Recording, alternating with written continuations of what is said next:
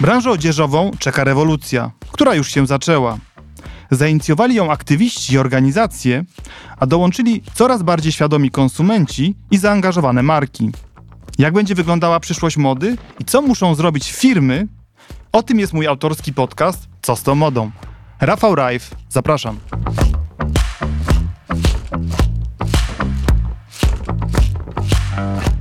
Witam na kolejnym odcinku podcastu Co z tą modą. Dzisiaj spotykamy się w słonecznym Gdańsku, w siedzibie LPP i będziemy rozmawiali o zrównoważonym rozwoju z perspektywy największej firmy odzieżowej w Polsce, LPP. I stąd mój wyjątkowy gość, Ewa Janczukowicz-Cichosz. Witam cię serdecznie. Cześć Rafał, dzień dobry Państwu. Y, Ewa jest ekspertką zrównoważonego rozwoju w LPP i odpowiada za realizację strategii projektów związanych z zrównoważonym rozwojem. Temat zrównoważonego rozwoju jest bardzo gorącym tematem, bardzo nośnym tematem, ale też tematem kontrowersyjnym. Z jednej strony y, firmy odzieżowe, można powiedzieć, prężą muskuły i pokazują faktycznie szereg zmian, które realizują. Wy również publikujecie strategię, zintegrowany raport, który określa jakby założenia waszej strategii zrównoważonego rozwoju. Natomiast no, spora część opinii publicznej, uczestników tej dyskusji, e, ekologów, aktywistów uważa, że te zmiany niekoniecznie idą w, w tempie, który by sobie mm, opinia publiczna czy, czy właśnie tak, tego typu eksperci oczekiwali. Jakbyś miała powiedzieć, gdzie dzisiaj się znajdujemy, gdzie dzisiaj znajduje się branża w tej takiej e, transformacji, co do której chyba nikt nie ma wątpliwości, że należy ją przeprowadzić? To prawda, już nie ma nikt wątpliwości, nikogo nie trzeba do tego przekonywać. E, I tak jak powiedziałeś wcześniej, my realizujemy naszą strategię od 2017 roku i tak naprawdę tylko przyspieszamy nasze działania. Ale jeżeli miałabym powiedzieć, gdzie teraz jest cała branża, to odniosłabym się może do jednego z aspektów, jednego z mierników, który pozwala nam powiedzieć, gdzie e, powinniśmy adresować najbardziej swoje działania. I będzie to liczenie emisji CO2. A dlaczego akurat ten miernik? Bo on pokazuje, gdzie w całym łańcuchu naszej wartości branży, mamy tak zwane hotspoty. I e, jak można się domyśleć, jeżeli ktoś w ogóle wie coś na temat śladu węglowego, to wie, że przeważnie te hotspoty są poza bezpośrednią działalnością firmy i również w naszym, w naszym przypadku tak jest, ponieważ w zakresie trzecim, na etapie pozyskiwania materiału i produkcji odzieży, jest nasz największy wpływ na środowisko. I to są elementy, które my już adresujemy, ale na pewno cała branża będzie adresować jeszcze bardziej intensywnie. I to jest tak, że y, są rzeczy, które możemy zrobić już teraz w tym mhm. zakresie, ale jest bardzo dużo rzeczy, na które jeszcze nie ma konkretnego rozwiązania. Tu też warto powiedzieć, że branża modowa, branża fashion działa w ten sposób, że nie ma swoich fabryk, działa na zasadzie dostawców i taki jeden dostawca pracuje przeważnie dla kilku firm. Więc nawet jeżeli chcielibyśmy wejść głębiej w taką mhm. relację, y, i sprawić, żeby ta produkcja była bardziej zielona, żeby, używa, żeby nasi dostawcy używali zielonej energii, to nie jest takie proste, ponieważ musielibyśmy się porozumieć z innymi firmami, które współpracują z tym dostawcą, żeby zrobić to wspólnie. I takie mhm. rzeczy zaczynają się dziać. Właśnie teraz e, powiedziałeś o prekopie, kończy się KOP. Właśnie na kopie bardzo dużo partnerstw w zakresie współpracy takiej przedkonkurencyjnej firm z branży modowej się zawiązuje, bo tylko wtedy będziemy mieli szansę, żeby dotknąć te najbardziej wrażliwe miejsca, jeżeli chodzi o nasz łańcuch dostaw. Mhm. Chciałbym, żebyś opowiedziała może tak na początku na takim poziomie trochę wyższym te założenia główne w obszarze właśnie waszej strategii. Bo tam jest kilka wymiarów, tak? Jest kwestia materiałów, jest kwestia zużycia wody, chemikaliów, kwestia y, emisyjności, y, jest kwestia praw człowieka y, i jest kwestia odpadów tekstylnych i jakby sprzątania po sobie. To są takie, Business of Fashion wyróżnia takie pięć obszarów głównych, jeżeli chodzi o to, jak strategie powstają. Jakbyś mogła, ja wiem, że to jest pewnie trudne, ale... Nie, jakby nasza strategia jest... W takich najważniejszych punktach. Ma cztery takie filary no i, i jakby w te filary są oczywiście bardzo obszerne, ale cztery filary i pierwszym filarem to jest produkt i produkcja, czyli mhm. tutaj mówimy o materiałach i te, o, o tym, jak produkować produkujemy nasze rzeczy. Potem mamy e, opakowania, mamy bezpieczeństwo chemiczne oraz taki szerszy temat związany z naszymi biurami i sklepami, czyli jak korzystamy z energii w tych mhm. i w centrach dystrybucyjnych. To jest jakby czwarty filar. Więc ten pierwszy filar, można powiedzieć, jest taki najbardziej kojarzony z nami, bo jak myślimy Produkt. o branży modowej, to widzimy tak. ubrania. Tak. tak? To jest najbardziej e, takie bezpośrednie. E, I tutaj mówimy o tym, że e, wykorzystujemy e, materiały, które są bardziej przyjazne środowisku i w tym mhm. momencie już 26% kolekcji wszystkich naszych marek to jest kolekcja EcoAware, czyli jak mhm. wchodzisz do sklepu którejś z naszych marek, to tak naprawdę możesz powiedzieć, że 25% tych rzeczy to są właśnie rzeczy bardziej wykonane z bardziej zrównoważonych materiałów, a mówiąc o lepszych materiałach, bardziej zrównoważonych, mam na myśli na przykład bawełnę organiczną, która ma mniejszy Ślad węglowy wykorzystuje mniej e, wody w produkcji, ale również e, jest e, bardziej przyjazna jakby dla środowiska, w którym po prostu rośnie, gdzie się ją jakby zbiera. Czyli w takim kolekcji EcoWare właśnie jakie mogą się znaleźć tkaniny, czy jaki sposób produkcji? Bawełna organiczna. Mhm. Czyli certyfikowanych tak, upraw. certyfikowanych upraw. Tutaj też mhm. potem mogę powiedzieć o fajnym temacie, takim jak Cotton Made in Africa, ale mhm. to za chwilę. Mhm. Mamy też poliester z recyklingu. Obecnie to jest poliester z recyklingowanych butelek PET oraz z z tego, co się wyłowi na przykład z oceanów albo z resztek takich jakby poprodukcyjnych. To też warto może powiedzieć, że y, poliester dzisiaj z recyklingu nie pochodzi z ubrań y, z recyklingu, tylko pochodzi z plastiku tak. zabranego w inny sposób. Tak? tak, i to też jest coś takiego, że bardzo dużo osób się na to oburza, że my, że my coś takiego robimy. I oczywiście to jest taki, taka technologia, która jest technologią przejściową, bo docelowo chcielibyśmy pozyskiwać ten poliester z ubrań. Mhm. Ale w tym momencie mamy dostępność do takiego poliestru. Jeżeli on generuje 53% mniej CO2, to dlaczego z tego nie skorzystać, tak? Jakby to jest jakiś element transformacji. To jest element transformacji, więc mówimy o bawełnie, mówimy o poliestrze, ale mówimy też o całej gamie produktów e, wykonanych z pulpy drzewnej, czyli takich wiskozowych, organicznych. Mhm. Pochodzenia organicznego, ale w procesie chemicznym powstaje na przykład wiskoza, tencel, ecovero i to są takie um, materiały, które również są w tej, tej puli naszych zrównoważonych materiałów. Więc mhm. jakby to jest taki, taka podstawa. A potem mamy ten element produkcji, e, gdzie mówimy o tym, że mamy już e, około 30% dostawców w południowej Azji, którzy korzystają z energii odnawialnej, którzy mają zamknięty obieg wody albo korzystają z deszczówki w procesach produkcyjnych. Kolejny filar to jest bezpieczeństwo chemiczne, które też jest w mhm. naszej branży bardzo istotne i my jesteśmy mm, przyjacielem takiej organizacji ZDHC, która działa na rzecz poprawy jakości wykorzystywanej chemii w produkcji oraz nad y, mm, jakością wód poprodukcyjnych. E, to jest też tak, chyba że... chodzi o wykluczanie pierwiastków takich tak, niebezpiecznych tak, tak, w procesu to, to jest właśnie ta jakość, mhm. jakość y, chemii, którą się używa w, w produkcji. I teraz tak, my możemy naszych dostawców zachęcać do tego, a jak ich zachęcamy? W taki sposób, że jeżeli oni oni są w tej, w tej inicjatywie i używają tej lepszej chemii, to my chcemy zlecać im więcej produkcji i oni po prostu widzą, że im się to opłaca. Więc to jest taki trochę mm, można powiedzieć, wabik mhm. typowo biznesowy, tak? Ale e, docelowo chcemy do 2025 roku mieć wszystkich naszych dostawców w tej inicjatywie, żeby używali tej najwyższej jakości e, Czyli 3 lata jeszcze tak, tak. Tego. Teraz, teraz jest tak, że 70% naszych dostawców z Bangladeszu i Pakistanu jest już w tej inicjatywie. Także to jest jakby proces, który, który się rozpoczął jakiś czas temu i trwa, ale tak naprawdę ci dostawcy też widzą, że to dla nich jest mm, po prostu korzystne biznesowo. Czy jeszcze jakaś, jakiś ważny element, jeżeli tak, chodzi właśnie o bardzo, ten filar? Bo no to wyobraź sobie tak, proszę. tak, że, że, że jest tak, taki temat opakowań, który okay. jak myślimy o branży modowej, to tak średnio nam na pierwszy rzut oka przychodzi do głowy. A prawda jest taka, że żeby od tych naszych dostawców dostarczyć e, towar do magazynów, potem do sklepów albo do, bezpośrednio do naszych klientów, my musimy wykorzystać bardzo dużo opakowań. I co my robimy w tym zakresie? Po pierwsze staramy się, może nawet nie staramy, po prostu eliminujemy plastik. E, w zeszłym roku około 500 ton jedno jednorazowego plastiku zostało wyeliminowanych, wyeliminowanego w naszych, w naszych dostawach.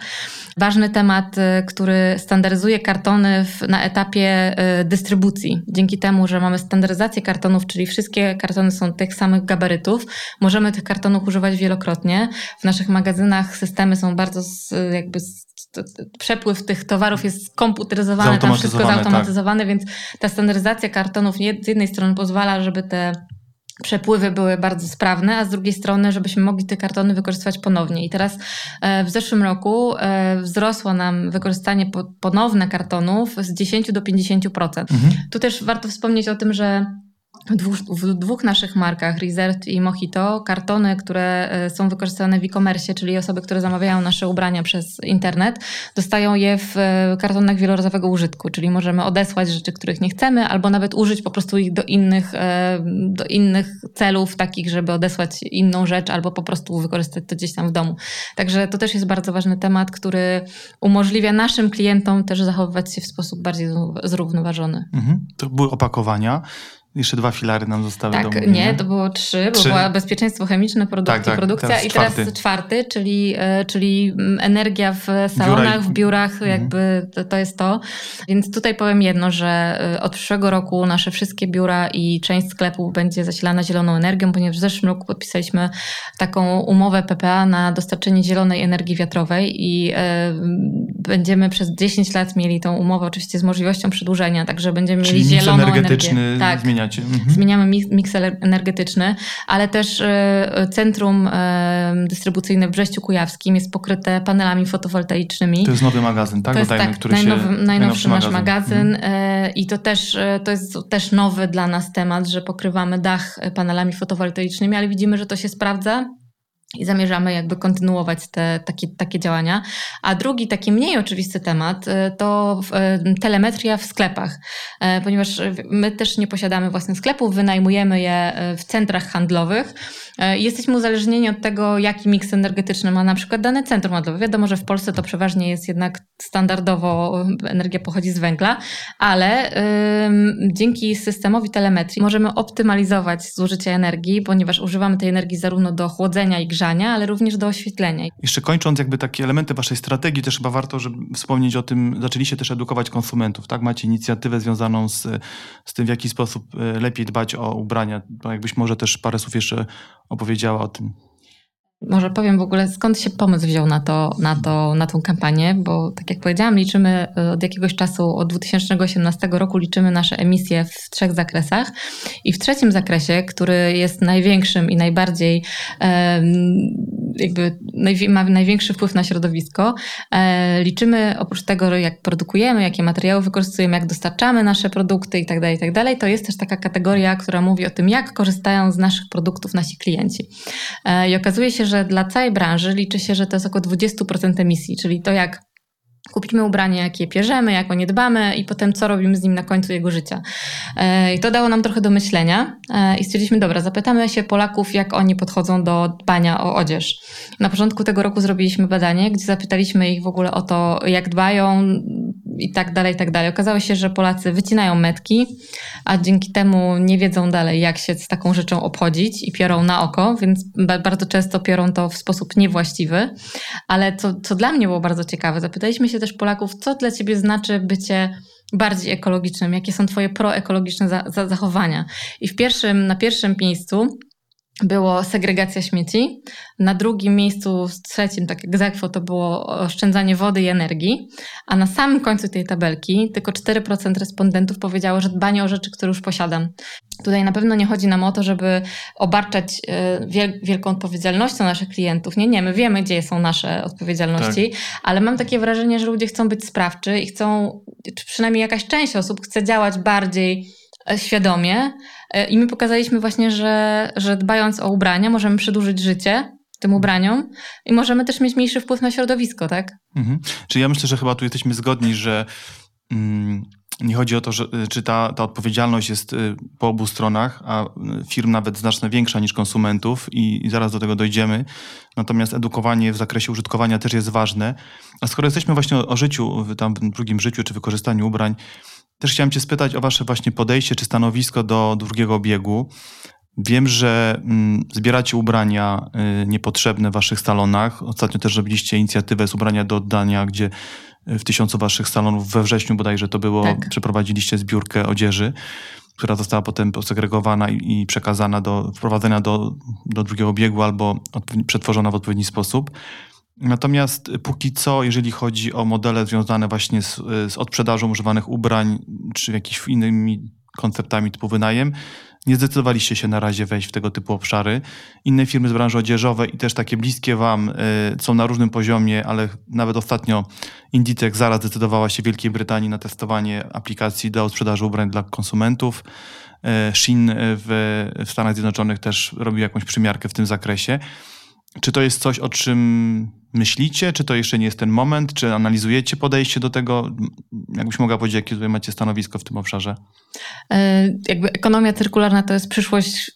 Między innymi naszej branży, więc jakby tego jesteśmy świadomi i ten drugi, trzeci obieg, on już się dzieje e, i jest bardzo popularny. W Polsce on był popularny już od lat. Można powiedzieć, że second handy to u nas była, no kiedyś, dawno temu no. to był po prostu na każdym... No w latach tak, 90. 90 ja, tak, bardzo modne. Bardzo modne. E, teraz jakby weszło to trochę na inny poziom. Tak. E, mówimy o platformach, które zajmują się tym od, od sprzedażą, drugim obiegiem i ja uważam, że to jest jakby przyszłość tej branży, ale my jakby widzimy swoją rolę w innym miejscu, w miejscu, w którym nakłady finansowe są zdecydowanie bardziej potrzebne w tym momencie. I ja mam tu na myśli recycling, czyli to, co wspomniałam wcześniej o tej inicjatywie, którą realizujemy wspólnie z Czyli nie o sprzedaż, a przetwarzanie odpadu tekstylnego. Tak, ale powiem Ci dlaczego, mhm. bo czy to będzie drugi, trzeci obieg, to te rzeczy kiedyś, one przestaną mieć swoją funkcjonalność, to jest jeden. Tak, każdy produkt się zużyje w którymś Każdy momencie. produkt się zużyje. A teraz już mamy bardzo duże rzeczy, których możemy sobie powiedzieć, nikt nie chce. Mamy rzeczy, które y, czekają na to, żeby zużyć je w taki sposób, żeby zamknąć obieg, a nie żeby je downcyclingować, czyli na przykład zrobić z nich wypełniacz do materaca tak, albo meble ogrodowe. Meble ogrodowe. To też nie, jest, nie jest złe. Tak, ja nie oczywiście. mówię, że nie, bo to jest tak, że mm, ja też jest, ja znaję taką zasadę, że róbmy to, na co jest już teraz możliwość, tak? Czyli tak. nie obrażajmy się na to, że ktoś zrobił wypełniacz do materaca. Lepsze to niż ma wylądować na pustyni. Też żebyśmy nie rozmawiali trochę w próżni, ja mam przed nosem sobie przygotowałem ściągę z, z tego, co Komisja Europejska chce zrobić.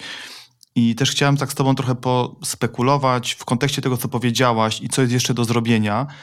Bo tu jest wizja, o której mówi Unia Europejska w niedawno ogłoszonej strategii. Wiemy, że w ciągu pewnie najbliższych dwóch, trzech lat powstaną bardziej konkretne dyrektywy.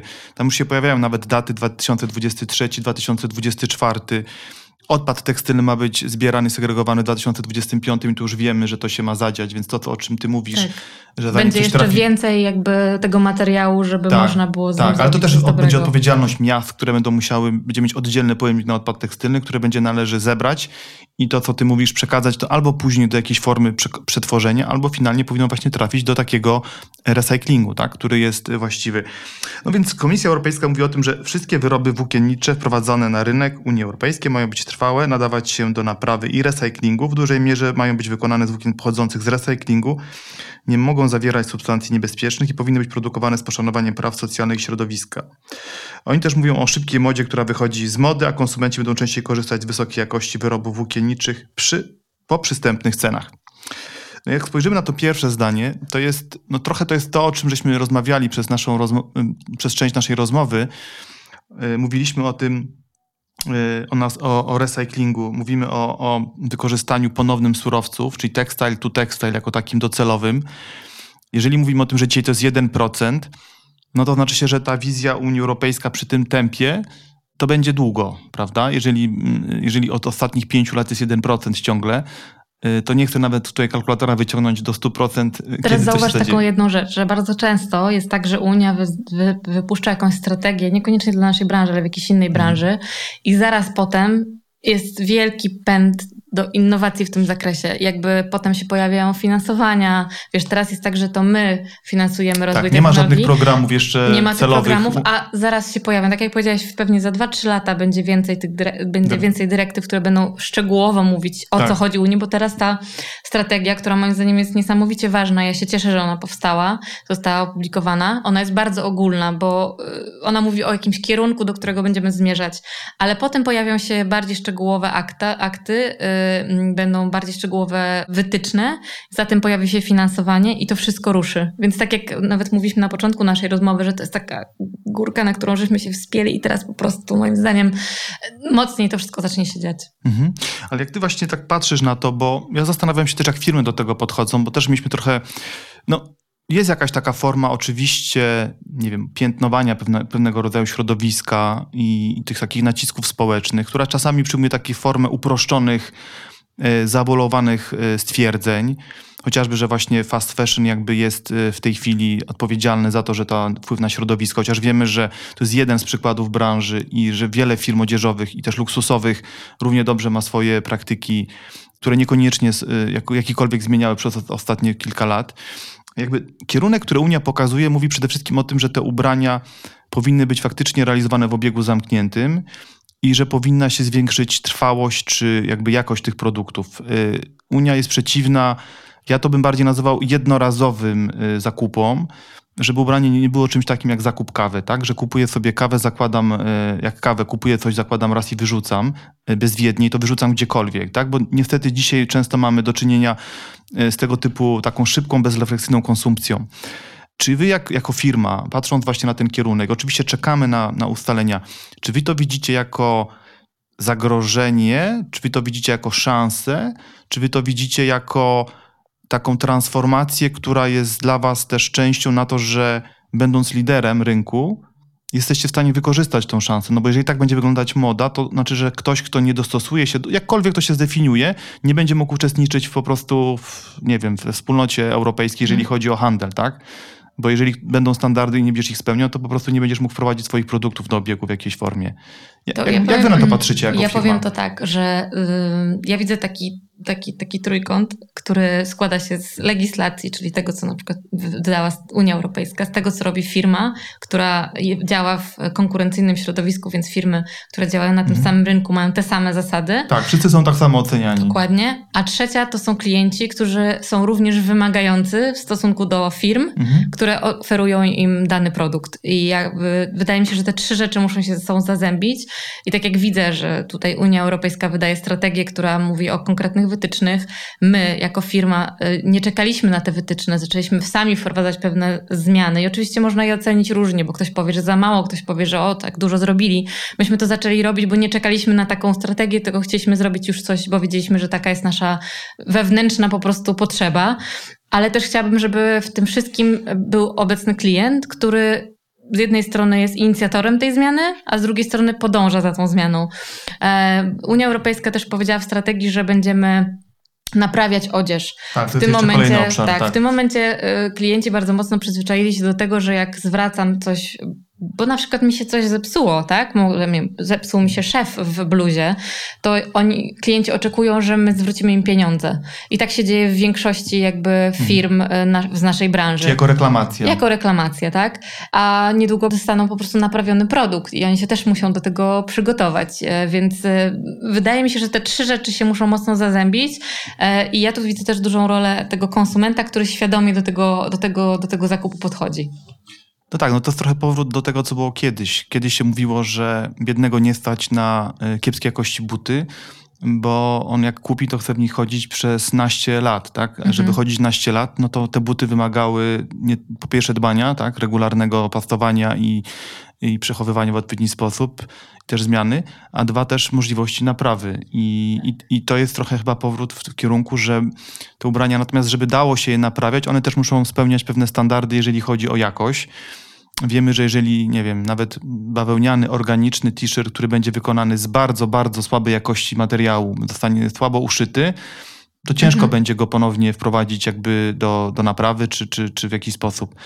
Myśli, że to nie będzie trochę tak, że w którymś momencie te produkty będą musiały jednak być trochę droższe i być wykonane właśnie w lepszy sposób, czyli jakaś część segmentu odzieżowego no będzie musiała się albo zmodyfikować, albo nie będzie miała racji bytu gdzieś funkcjonowania, tak? Ja mówię gdzieś tak w perspektywie pewnie pięciu, sześciu lat, tak? Bardziej niż te najbliższych dwóch. Powiem Ci e, w odniesieniu do naszej firmy, tak jak wspomniałam na początku, mamy linię EcoAware, która jest wykonana z bardziej przyjaznych środowisku materiałów. To są materiały, które są w zakupie droższe. E, my oferujemy je naszym klientom po cenie, która jest taka sama jak pozostała kolekcja e, wszystkich naszych pięciu marek i robimy to kosztem niższej marży, ale to jest tak, że jeżeli byśmy chcieli to realizować tak samo jak pozostałą kolekcję, to ona musiałaby być trochę droższa. Więc zobaczymy. Ceny surowców też rosną, e, tych lepszych surowców oczywiście jeszcze mhm. bardziej, więc e, to jest taki moment, gdzie będziemy pewnie musieli sobie odpowiedzieć na pytanie, jak długo możemy obniżać marże, żeby oferować e, cenę tak. taką, do, której, do jakiej klient się przyzwyczaił. Podsumowując tą naszą rozmowę, mm, tak jak ja słucham to, co, o czym opowiedziałaś, mamy te trzy obszary takie działania, czy tam trzy zakresy, ale trzy obszary. Idąc jakby od strony konsumenta, to jest edukacja konsumentów i jakby lepsze podejście do tego, co już mamy użytkowanie. I to jest coś, co fajnie, że się zaadresowali ostatnią kampanią. Powiedziałeś dużo o zmianach w waszej sieci i w biurze, jeżeli chodzi o właśnie miks energetyczny, wykorzystanie energii. Mówiłeś o opakowaniach, gdzie też wydaje się z tego, co mówisz, że wykonaliście powiedzmy tam większą część pracy. Najwięcej pozostaje, nie mówię, że nie robicie tam, ale najwięcej pozostaje jednak w tym obszarze, który ma największy wpływ na emisję, czyli właśnie w produkcie i w procesie produkcji i dostawy. To, co też komisja mówiła tutaj o, o tym kierunku zmiany, Komisji też interesie nie jest to, żeby wprowadzić przepisy, które doprowadzą do zrujnowania tej branży, bo to nie chodzi o to, żeby branża zbankrutowała pod e, napływem e, regulacji, przepisów się okaże się nie da po prostu funkcjonować, jest nieopłacalna produkcja odzieży i nie będzie w ogóle produkcji odzieży, bo to nie jest chyba to, co Unia by chciała. Ona chce zwiększyć konkurencyjność, ale też wskazać właśnie model, który będzie opłacalny, ale też będzie zdecydowanie mniej inwazyjny dla środowiska, tak? I to jest jakby chyba taki najważniejszy kierunek. Co według Ciebie, to co jeszcze mi się wydaje, że ważne to powiedziałaś, że jeżeli Wy na przykład tworząc produkty bardziej ekologiczne, żeby utrzymać konkurencyjność cenową, musicie y, oddać powiedzmy jakąś część marży swojej, tak? Więc tu ten element ekonomiczny, czyli zwiększenie udziału tej kolekcji w waszej ofercie to są dwa elementy. Albo te produkty staną się, y, surowce staną się tańsze, albo równie konkurencyjne, co nie będzie kosztem marży, albo jeżeli byście chcieli robić to nawet w 100%, abstrahując, żebyście uzyskali taki surowiec, byście musieli no, negatywnie wpłynąć na rentowność działania waszej firmy, co podlega ocenie udziałowców waszych i właścicieli, tak? Jeśli branża byłaby równomiernie zmobilizowana do pewnych standardów, to znaczy się, że albo wszyscy by podnieśli ceny produktów i po prostu nie byłoby takich y, cenie produktów, bo jeżeli mają spełniać te elementy, o których mówisz, no to musiałyby więcej kosztować. Albo jeżeli by branża przeszła na masowe wykorzystanie, to surowce nie dałoby się inaczej produkować, bo nikt by nie kupił tych gorszych czy niespełniających standardów, więc mm, zwiększyłaby się masowość produkcji surowców. Czy, nie, czy ja dobrze układam tą układankę? Ta pierwsza część myślę, że jest bardzo ważna to, co powiedziałeś, że re regulacje ustawią rynek i wtedy nie będzie tak, że każdy działa po swojemu, tylko wszyscy mamy takie same produkty dostarczać na rynek, które powiedziałeś wcześniej, przeczytałeś tą strategię, że mają być, pochodzić z recyklingu, z odnawialnych e, źródeł, że mają być lepszej jakości i tak dalej, i tak dalej. Więc wtedy wszyscy będziemy mieli te same cele i, i może się tak stanie, że wszystkie ceny będą musiały pójść w górę. Tego nie wiem w tym momencie, nie powiem ci tego w 100%. Mm. Druga sprawa to powiedziałeś o materiałach, że może one staną się bardziej dostępne. No może tak, między innymi po to nasza technologia recyklingu, bo mówiliśmy o recyklingowanych tak. materiałach, tego nie ma, tego po prostu nie ma na rynku, więc teraz choćbyśmy bardzo chcieli, byśmy nie mogli spełnić tego warunku. E, jeżeli mówimy o bawełnie organicznej, to rzeczywiście e, poszerza się ten rynek, ale to też nie jest tak, A że... A jest ciężko w ogóle dostać dzisiaj te, te materiały, o których mówisz? Czy jest problem z podażą, czy jednak jest problem z tym, że one nie zawsze jakby w tym rachunku ekonomicznym się e, w pełni są w stanie zamknąć? Czasami jest też problem z podażą. Na przykład y, wełna z, z certyfikatem y, czasami jest trudniej dostępna. Bawełna organiczna tu też y, jest tak, że z certyfikatami też musisz to dobrze zaplanować, żeby jeżeli sobie ustaliłeś jakieś swoje cele, to żeby ten cel zrealizować. Czyli jakby dzisiaj wszystkie firmy odzieżowe chciały kupić bawełnę organiczną, to nie starczyłoby dla wszystkich? Myślę, żeby nie starczyło. Ewa, kończąc nasze spotkanie, chciałbym, spotkanie, spotkanie, rozmowę, e, chciałbym tak, e, jakbyś miała powiedzieć mm, z perspektywy firmy, bo z jednej strony jest nacisk na, na firmy, żeby działały szybciej, to co powiedzieliśmy, niepokojące jest to właśnie, że te emisje są w tej chwili nie idą w tym kierunku, który gdzieś tam był założony w tym porozumieniu paryskim, że jednak branża się i rozwija, i wprowadza zmiany. Powiedziałaś, że ty widzisz do światełko w tunelu, czy może na, duże światełko nadziei, że pewne elementy dojrzewały do zmiany i wierzysz w to, że od najbliższego roku, dwóch, pewne transformacje w tym, w tym zakresie trzecim, bo wiemy, że to jest, jak, jeżeli zmienimy zakres pierwszy i drugi, to będzie na pewno fajnie, ale to nie zmieni percepcji, tak? Zmiany muszą się zadziać w tym zakresie trzecim, w sposobie produkcji, wykorzystaniu y, materiałów i energooszczędnym łańcuchu dostaw. Co z perspektywy firmy, co by pomogło, albo co powinno się zadziać, żeby na przykład właśnie taka firma jak LPP, czy firmy właśnie tego o takiej skali, tak? No mówmy się, że tą zmianę y, w największym stopniu mogą wykonać duże koncerny modowe, tak? Co firmy by potrzebowały, albo jakiego rodzaju wsparcia, czy jakich działań, żeby też móc y, powiedzieć, że dostały też, że to ułatwiłoby im przyspieszenie pewnych działań. Tak? Zakładając, że możecie poprosić o tego typu, nie wiem, poprosić czy zarekomendować to co, by to było? Duże pytanie. Mm, myślę, że poszłabym w kierunku tego, że zmiany legislacyjne, zmiany na rynku powinny pociągnąć za sobą rozwój różnego rodzaju technologii, które by nam pomogły w tym i które by były bardziej dostępne. A mówisz o technologiach konkretnie, na przykład jakich? Na przykład mówi, mówiliśmy o recyklingu, to Okay. jest jedno, a druga rzecz to to, żeby adresować te elementy w łańcuchu dostaw, to żeby partnerstwa pomiędzy firmami mogły się nawiązać i może, żeby były wspierane w jakiś sposób e, finansowo e, przez, przez projekty, które Unia Europejska e, będzie Czyli granty wprowadzać. jakieś, czy tam programy celowe, tak? programy celowe, gdzie, gdzie my byśmy wykorzystywali je na poprawę, poprawę warunków produkcji, która w mniejszy sposób wpływa na, mm, na środowisko, tak? Żebyśmy mogli takie rzeczy robić. Dla mnie wydaje mi się, że takie najciekawsze to jest, y, znaczy najciekawsze, najważniejsze to jest, żeby po pierwsze odejść od takiej bardzo jednorazowości tej, te, tych ubrań i tego, że one są, jak to się mówi, disposable, czyli można je wyrzucić sobie y, gdziekolwiek bezrefleksyjnie. No i wzmocnić te rzeczy, gdzie już mamy y, praktyczne umiejętność wykorzystania i wiemy o, o parametrach y, tych funkcjonalnych, czyli chociażby jak bawełna pozyskiwana właśnie w sposób, produkowana w sposób organiczny, czy inne materiały takie y, pochodzenia naturalnego czy niskoemisyjne, które wiemy, że już działają. Tak? Jeżeli byśmy tutaj zwiększyli udział y, tych materiałów istotnie, to to jest przełożenie bardzo konkretne na, na emisję. A to, że jest jeszcze kilka pewnie materiałów, jakichś obszarów, gdzie wymaga jeszcze czasu na to, żeby poeksperymentować tak? i wyważyć, ile jest ekologii, a ile jest też właśnie praktyczności, no bo jeżeli ja zrobię tkaninę, która jest ekologiczna, ale ja ją wyrzucę po, po roku na przykład ten produkt, bo on się rozleci albo po mhm, kilku miesiącach, to też nie jest ten kierunek, który byśmy chcieli tak. gdzieś, prawda, o, tak, osiągnąć. Dokładnie. Musimy wiedzieć, że, że tak jakby długo, długie używanie jest najlepszym używaniem, tak? Dokładnie, długie używanie jest najlepszym. Podoba mi się podsumowanie. Dziękuję Ci w takim razie, Ewo, za, za, za rozmowę. Ci.